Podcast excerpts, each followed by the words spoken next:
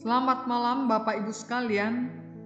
Selamat berjumpa di dalam renungan malam bersama Pendeta Setiawati. Tema renungan malam ini adalah dipelihara Tuhan dengan caranya. Saudara, ada seorang dokter yang dijuluki dokter seribu. Dia adalah dokter FX Sudanto, seorang dokter yang telah mengabdi selama 40 tahun di Jayapura, Papua. Ia hanya memungut biaya berobat dengan tarif teramat murah, yaitu seribu rupiah bagi pasien warga Papua dan dua ribu rupiah bagi pasien di luar warga Papua. Apakah dokter dengan lima anak ini bisa hidup nyaman dengan penghasilan sekecil itu? Untuk hidup mewah memang tidak bisa. Ia hidup bersahaja. Kendaraannya pun hanya sebuah mobil tua. Namun kepada seorang wartawan ia berkata, "Semuanya cukup bagi kami." Saudara kita memang tidak tahu bagaimana Tuhan memenuhi kebutuhan hidup Bapak FX Sudanto dan keluarganya. Namun Tuhan memelihara hidupnya dengan caranya. Demikian juga dengan Aldi Novel Adilang, seorang nelayan yang hanyut selama 49 hari dari perairan Sulawesi Utara sampai ke perairan Guam di Samudra Pasifik. Aldi harus bertahan hidup dengan menghemat perbekalan. Ia memakan ikan mentah dan meminum air laut dari baju yang dicelup untuk mengurangi rasa asinnya. Bukan itu saja, cuaca ekstrim yang panas dan ikan-ikan hiu yang mengelilingi rakitnya membuat dirinya was-was. Bahkan dalam kondisi fisik yang lemah dan psikis tak berdaya, Aldi sempat ingin mengakhiri hidupnya. Namun bersyukur, kekuatan iman Aldi menahannya.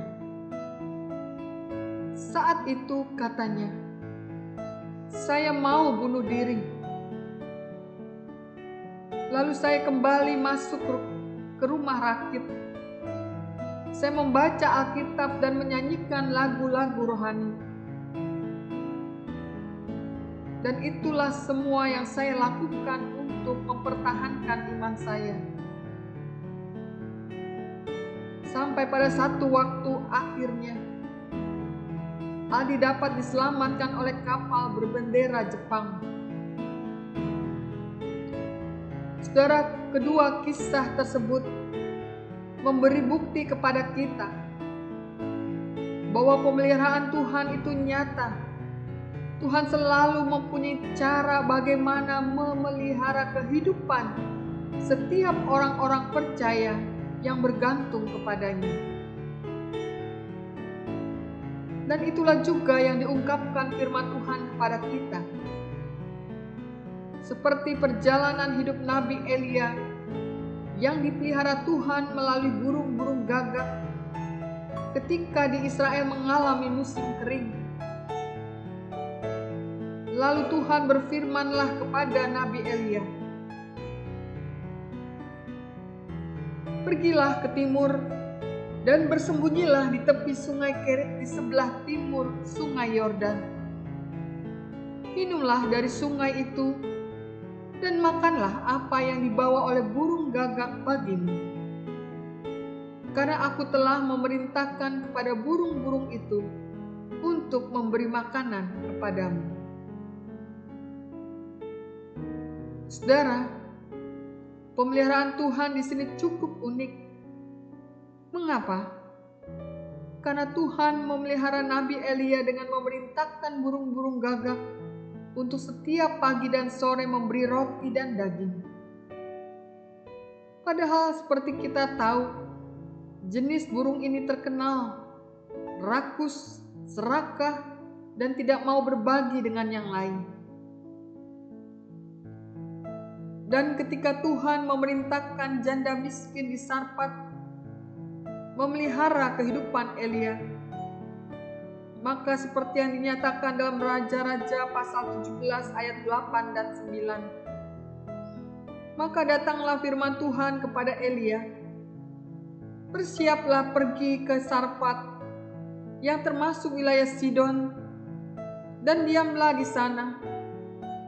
Ketahuilah aku telah memerintahkan seorang janda untuk memberi engkau makan. Saudara, setelah burung gagak, Tuhan juga memelihara Nabi Elia melalui seorang janda miskin yang hanya memiliki makanan terakhir. Namun dalam kuasa pertolongan Tuhan, Nabi Elia dan janda miskin itu sama-sama diselamatkan Tuhan. Saudara, di masa pandemi COVID-19 ini, kita mengalami tekanan yang luar biasa, baik dari sisi kesehatan maupun ekonomi. Tidak sedikit orang tertular COVID-19, bahkan meninggal. Tidak sedikit yang mengalami PHK atau dirumahkan.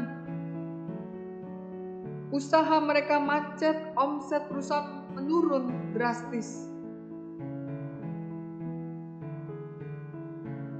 Tetapi pertanyaannya, saudara, dalam situasi seperti ini, Masihkah kita percaya akan pemeliharaan Tuhan? Tentu sulit, tetapi mari belajar mempercayakan hidup kepada pemeliharaan Tuhan. Sungguh, Tuhan mempunyai cara bagi setiap orang percaya yang mau bergantung kepadanya untuk melangkah dalam setiap jalan-jalannya. Amin. Saudara, mari kita menyatukan hati kita di dalam doa malam. Kami datang kepadamu di dalam rasa syukur Tuhan, karena kasih pemeliharaanmu yang tidak pernah berkesudahan. Di malam ini, sebelum kami membaringkan tubuh kami yang lelah ini. Kami ingin menaikkan rasa syukur kami untuk kasih pemeliharaan Tuhan di sepanjang perjalanan hidup kami.